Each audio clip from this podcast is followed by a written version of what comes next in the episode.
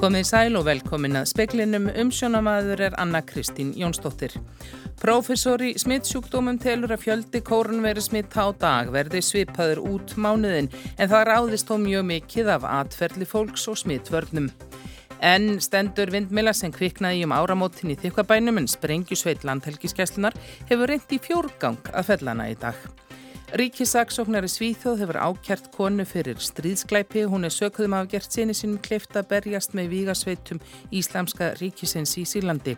Það búist við vonsku veður með djúpri lægð sem gengur í landi annað kvöld og nótt og verst verði veðrið á suðvestur hodninu. Profesor í smittsjúkdómum telur að fjöldi kórnveirasmitta verði svipaður út þennan mánuð en það ráðist á mjög af okkar eigin atferðli. Nýgengi kórnuveru smita innanlands er nú ríflega 2800 á hverja 100.000 íbúa síðustu 14 daga. Magnús Gottfreðsson, professor í smitt sjúkdómum og yfirleiknir á landsbítala, segir að nýsmitt verði á svipuðum slóðum næstu daga og ástandið eigi jafnvel eftir að tegja sig alveg fram í mars. Ég held að þetta muni tegja sig alveg fram í mars. Þá svona mörg hundru smitt á dag eða? Uh, ég, það kemur ekki á óvart ef, ef við eruðum svona á þessum slóðum núna fram í miðjan janúar, fram í setni hluta janúar efvel og síðan færi svona aðeins að, að draga úr um, í februar mánuði en samt sem áður umtalsvert álag. Sagði Magnús við Kristínu Sigurðardóttur. Framhaldið ræðist þú að mestu leiti af hegðun fólks. Þetta ræðist náttúrulega mjög mikið á okkar einu atferðli Það eru við sem að breyðum meirinn út með okkar uh, hegðun og okkar ferðalögum og, og nánd við annað fólk og það er náttúrulega mjög erfitt að spá fyrir um atferðli fólks langt fram í tíman. Saði Magnús Gottfredsson, Róbert Jóhansson tók saman. En stendur vindmila í þjökkabænum þrátt fyrir að sprengjusveit landhelgisgæslunar hafi reynd fjórum sinnum að sprengjana í dag.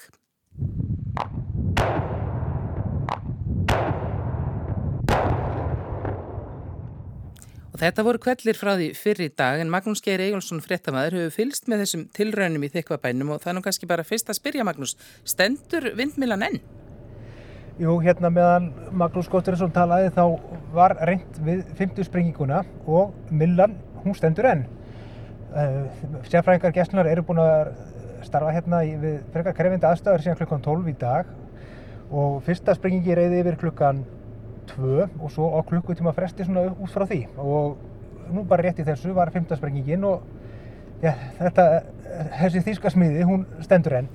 Um, Bæjarbúar hafa náttúrulega fylgst mjög grann með gangi mála og söpnuðu stundar saman allavega yfir fyrstu tveimur sprengingunum, hefur verið færri þegar hefur liðið á þetta. Uh, við tókum einn þeirra tali, það er hún Gíða Árni Helgadóttir, en hún var í hópi þeirra íbúa sem barðist gegn vindmilunum á sínum tíma. Skulum heyra hvað hún hafa að segja. Ég er á mótið þessu svona byggð. Þetta á ekki, alls ekkert heimi byggð en ég skulle halda því alveg til haga ég er ekkert á mótið vindmilun sem slíkum. En hér er ég á mótið þeim, algjörlega. Voru þið til að sjá viljun að fara svona næstu dögum? Já, bara strax. Það væri fínt. Það hefði verið fínt að sjá henn að falla en, en hérna maður svona ágjörði veðrin á morgun sko að hérna ef þið ná ekki fellina fyrir þann tíma að hérna það muni þá valda tjóni ef þetta fer inn í veðrið sem kemur á morgun. Þetta saði Gíða Árni Helgadóttir fyrir í dag en eins og við heyrðum Magnús Geir segja þá er ekki enn búið nú búið að sprengja fimm sinnum og enn stendur vindmillan Þískastálið. Embætti ríkisaksóknar í Svíþjóð ákærði konu í dag fyrir stríðsklæpi. Hún er talin hafa stuðlað því að 12 ára sonurina gekk til liðs við Vígarsveitir Íslamska ríkisins og tók þátt í bardögum í Sílandi. Konan neytar sök. Málið er að sögn sænskra fjölmiðla hefur fyrsta sinnar tegundar í landinu. Konan sem nú er 49 ára fór frá Svíþjóð til Sýrlands árið 2013 ári áður en hriðverkasamtökin í Íslamska ríkið lístu yfir stopnun Kalifaríkis í stórum hluta Sýrlands og Íraks. Hún tók fimm börn með sér þar á meðal 12 ára sónsinn. Ákæri valdið í Svíþjóð sakar hana um að hafa komið því til leiðar að sonurinn fekk herrþjálfun hjá vígamönnum í Sýrlandi þar á meðal Íslamska ríkinu sem sá honum fyrir vopnum og öðrum búnaði. Fullirt er að drengurinn hafi tekið þátt í bardögum á árunum 2013 til 16. Hann lést árið 2017 að sagn fjölmiðla fjallan í bardaga. Konan sneri til Svíþjóðar árið 2020 eftir að vígasveitirnar höfðu verið brotnar á baka aftur. Í yfirlýsingu í dag segir Rena Devgun, saksóknari, að sannanir líki fyrir því að drengurinn hafi fengið fræðislu og þjálfun í hernaðar aðgerðum meðan hann bjó enn heima.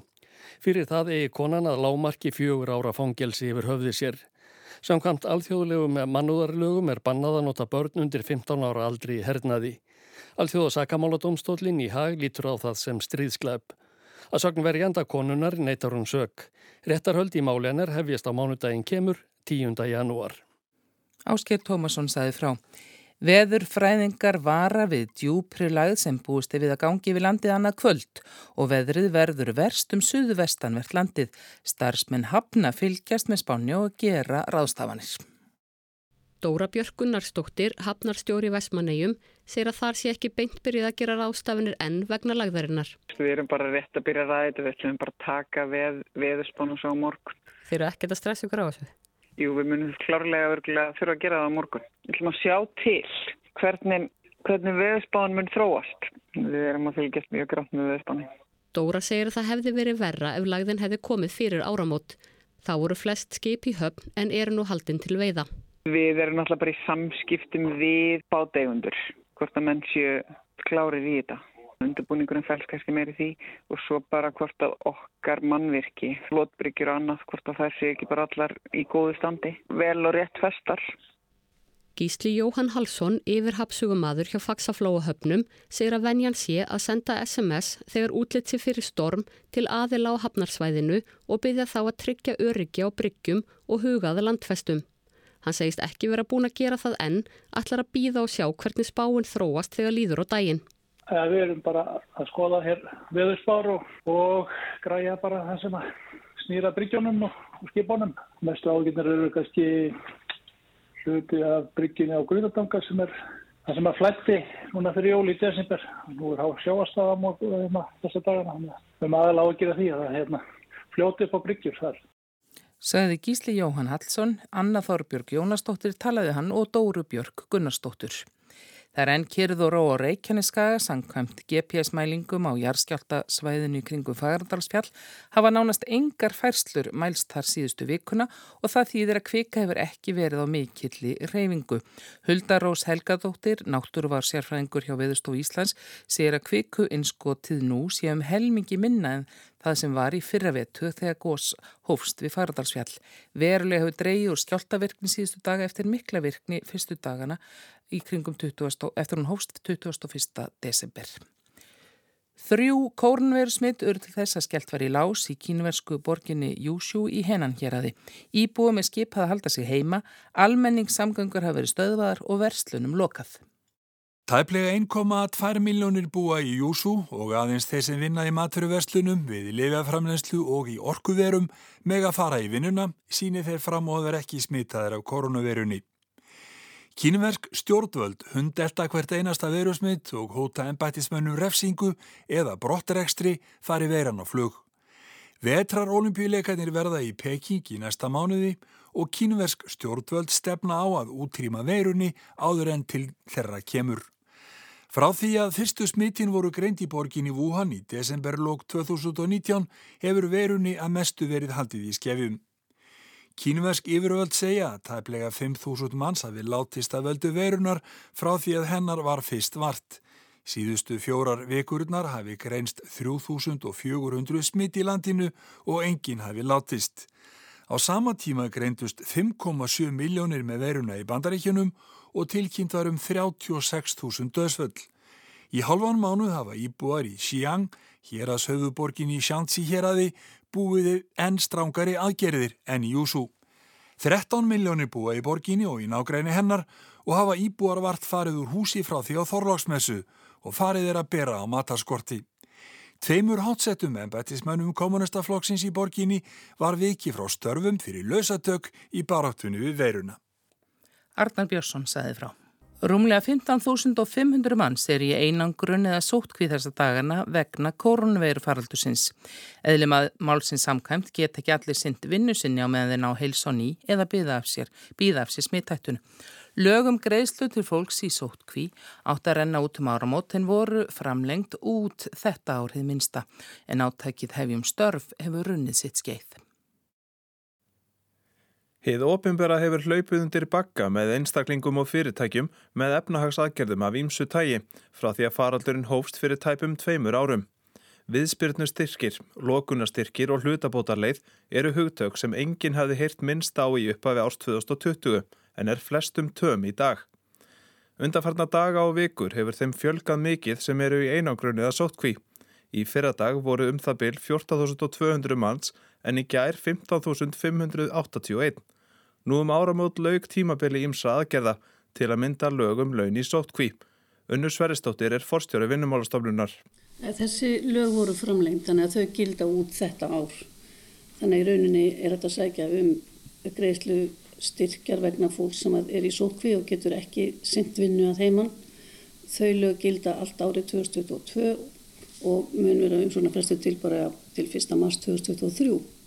En hefur orðið aukning í umsóknum um laun í sótkví samlega auknum fjölda fólk sem þarf að vera núna í einangrunna sótkví smittum hefur að fjölga senstu vekur. Hafið þið mert eitthvað breytingu á umsóknum? Sko ég hef ekki sé breytingar á umsóknum en það náttúrulega fjölgar umsóknum jæmt og þjætt í, í takt við aukinn smitt og aukinn fjölda fólk sem er, hérna, er settur í sótkví það gefur auðvitað leið þannig að við erum að gera rástafanir núna uh, að fjölga í þeim hópi sem hefur afgreðað þessi mál hjá okkur. Við gerðum ekki ráð fyrir að þetta er þess, sko, fjöld, þessi fjöldi. Þannig að við erum að auka í þarna aftur í mannskapin Og eru meiri fjármunir að fara í þessar aðgerðar? Það er ekki gott að segja. Það er öruglega myndi að hækka eitthvað þessi heldar fjárhæð sem verður greitt vegna þessara styrkja. En að móti kemur að nú er náttúrulega nýbúið að stitta þennan tíma sem fólk er í sótkví. Þannig að það mun koma móti, þannig að það verður fróðlegt að sjá þegar, með vorinu hvernig það mun að akta sig. Fleiri aðgerir runnu sitt skeiðum áramót til að mynda átagsverkefnið hefjum störf. Verkefninu var komið á fóti í mars í fyrra til að draga á ratvinnuleysi með styrkjum sem fyrirtæki, stofnanir og félagssamtök fengu til að ráða fólk í vinnu. Í nógumber var hlutfall þeirra sem fengu áframhaldandi vinnu um 80%. Góðu hilli þá hefur það ekki breyst. Við hefum verið að vakta þetta mjög, mjög vel vegna þess að e, í svona vennilegu ári, við getum sagt eins og, við hefum alltaf verið með þessa ráningarstyrki með, með fólki í atvinnleit í störf. Þannig og þar reynslan af þessu úrraði hefur verið að í kringum 20-25% hefur komið tilbaka í atvinnuleitina eftir að þessu styrk líkur sem er þá 6 mánuðir. Við áttum alveg svona því að þetta, þess, þetta hlutallir er herra vegna þess að það voru svo gríðilega margi samningargerðir í átakjunu hefjastörf en það hefur ekki orðið. Við erum sama prósenda nánast sem að við erum að sjá sem að kemur tilbaka í atvinnuleitina þannig að samningarnir eru að halda sem er mjög góðar fréttir. En hvers vegna verður það að hætta þessu verkefni? Sko, í sjálfleysi hefjum störf sett e, á fót, þetta er áttak sem var sett á stað vegna, og þar voru þessi, þessi almenna ákvæði, reglugjöndar ákvæði um að við getum greitt ráningastyrk sem að nefna grunnbótum til atvinnureikanda með fólki sem er sýkt eitthvað fólk í vinnu sem er í atvinnuleit í sex mánuði. Þetta úræði höfum við haft alveg árum saman og hefur alltaf gefist mjög vel en í hefjum störf var það aðeins vikað út það var aðeins aukið í styrki með þeim sem hafi verið í langtímatunleysi og svona aðra hlýðar aðgerir með til þess að lirka fyrir. Og það gafst mjög vel. En núna er atunleysi rétt um 5% rúmlega það kannski svona samkvæmt bráðabera tölum sem ég hef sem er ekki endanlegar.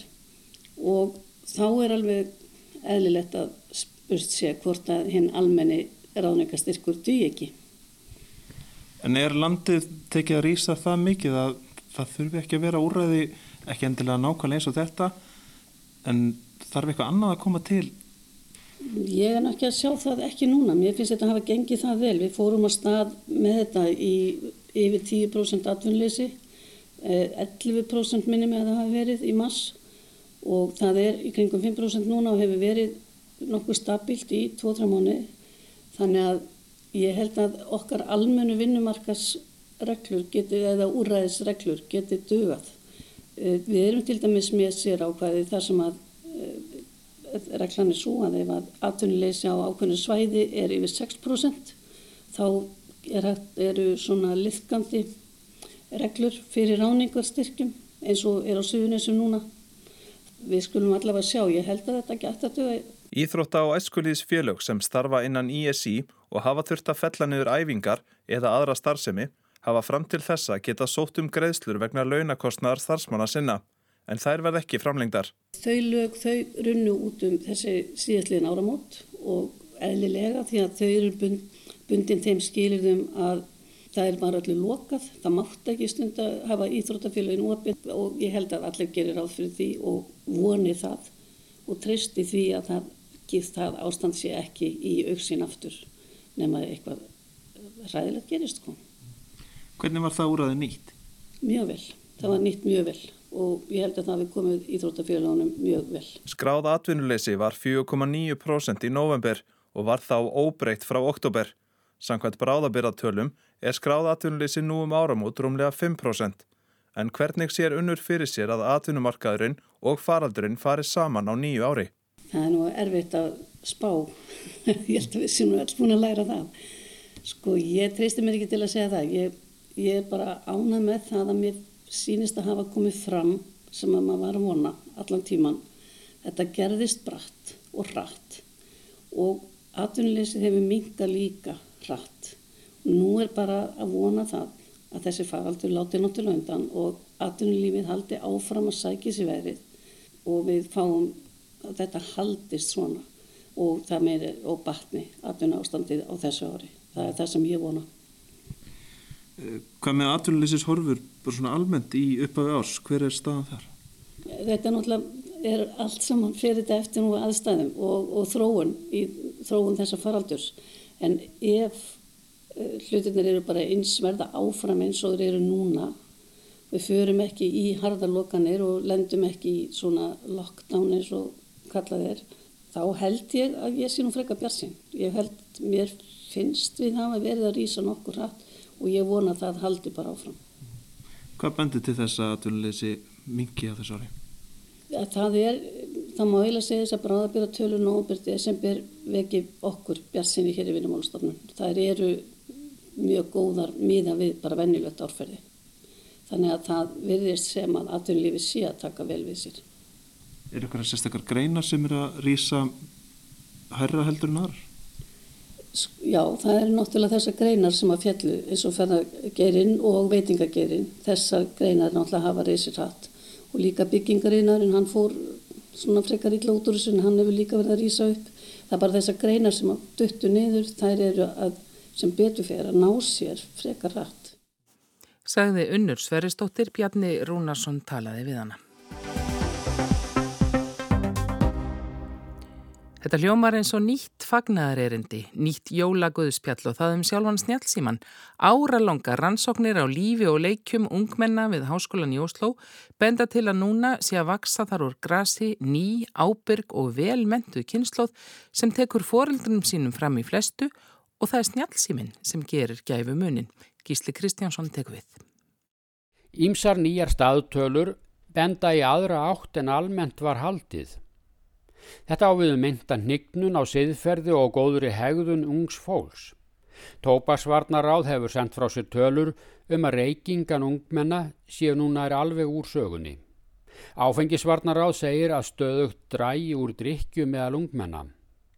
Og mentamálaráð segir að námsárangur stefni jaft og þétt upp á við.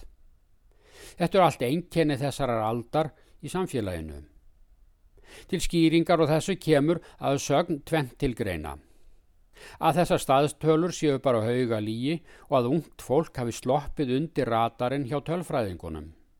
Innkosturinn er að eitthvað hafi gerst sem breyti lipnaðarháttum ungra samfélagstegna frá því sem áður var.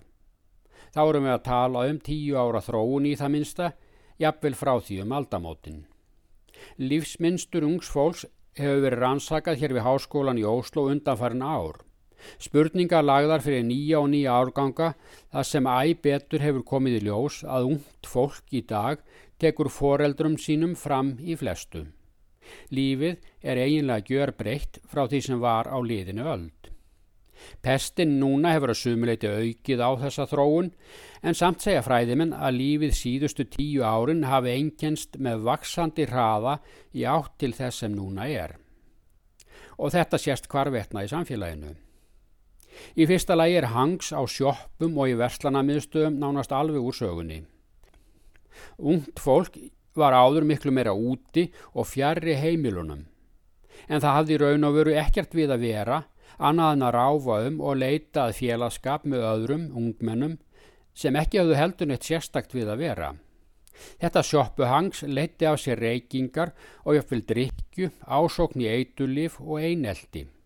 Sjoppuhangsið er úr sögunni, en hvers vegna? Annað er að bann við reykingum og veitingastöðum fyrir 15 árum ef frátt þveru öfug áhrif með við það sem úrtölumenn spáðu.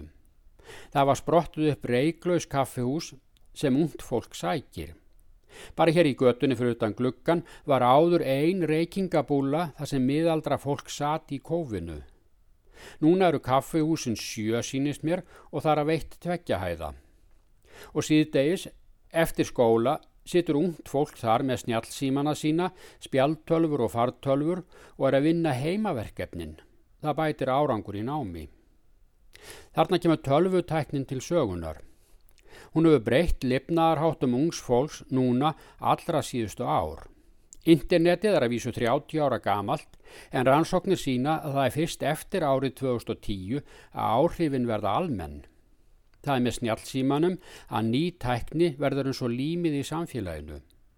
Þessa fór ekki að gæta fyrir alvöru fyrir internetið var orðið 20 ára gamalt. Kannanir sína jáfnframt að ungt fólk er almennt meira heima en áður var, býr lengur í foreldrahúsum en áður var, en hefur samt meiri samskipti sín á milli. Heimilissímin, sem áður var bara einn á heimili og sparaður í nótkun, er horfin en allir komnir í samband við alla alltaf um snjálfsímana. Hið tilgangslösa hangs er úr sögunni og ósýðirni sem því fylgdu líka. Jáfnframt hefur ungt fólk núna aðganga miklu meiri þekkingu en áður var og líka miklu meiri skemmtun og afþreyingu. Snjálfsímin hefur ekki bara leist gamaldags sjónvarp og leikjatölfur af hólmi, hann hefur bætt við mörgum nýjum möguleikum sem fyrri kynnslóður fór á misvið. Það áum mannleg samskipti, þekkingu og skemmtun. Með rannsókninni hér við háskóran er líka dreyið í ef að snjálfsímarnir auki á félagslega einangrun. Að vísur ofta ábyrranda hverju eitt situr og horfir í sín síma en ungt fólk í dag hittir ekki færri félag en var fyrir 20 eða 30 árum og hefur samskipti við miklu fleiri um netið en var fyrir bara 10 árum. Mikill bóklestur og árum áður gæt líka leitt til félagslegra reynangrunar. Þó er vinsalt að benda á að unglingarnir sitji limdir við símana sína í fjölskyldubóðanum og hlusti ekki á fullornafólkið. Þó er sennilega bara til bóta að sleppa við að hlusta á rausið í gamlum körlum jólabóðin um pólitík af litlu viti og sokki þess í stað inn í þekkingarheim snjálfsímans. En hvenar gerir þessi unga ábyrga kynslu uppreist og tekur upp ólipnað fyrir kynsluða? Dómstól í San Jose í Kaliforni í bandaríkunum dæmdi í gær Elisabeth Holmes, 37 ára gamlan stopnanda fyrirtækins Teranos fyrir fjársvík og fyrir að hafa blekt þá sem fjárfyrstu í sprótafyrirtækjanar. Hún var síknuð af nokkrum ákjærliðum meðal annars því að hafa svindlað á fólki sem borgaði fyrir próf frá Teranos. Saga hennar hefur vakið mikla aðtekli þó að það sé ekki einstæmi að sprótafyrirtæki fatist flýið. Holmes á yfir höfði sér alltaf 80 ára fangelsi samanlagt þó ekki sé tali líklegt að refsingin verði svo þung. Fjallað hefur verið um hann á fyrirtækið í ótal fréttum, heimildamindum, bladagreinum, bókum og hlaðvörpum og von á heilli sjónvarpsserju.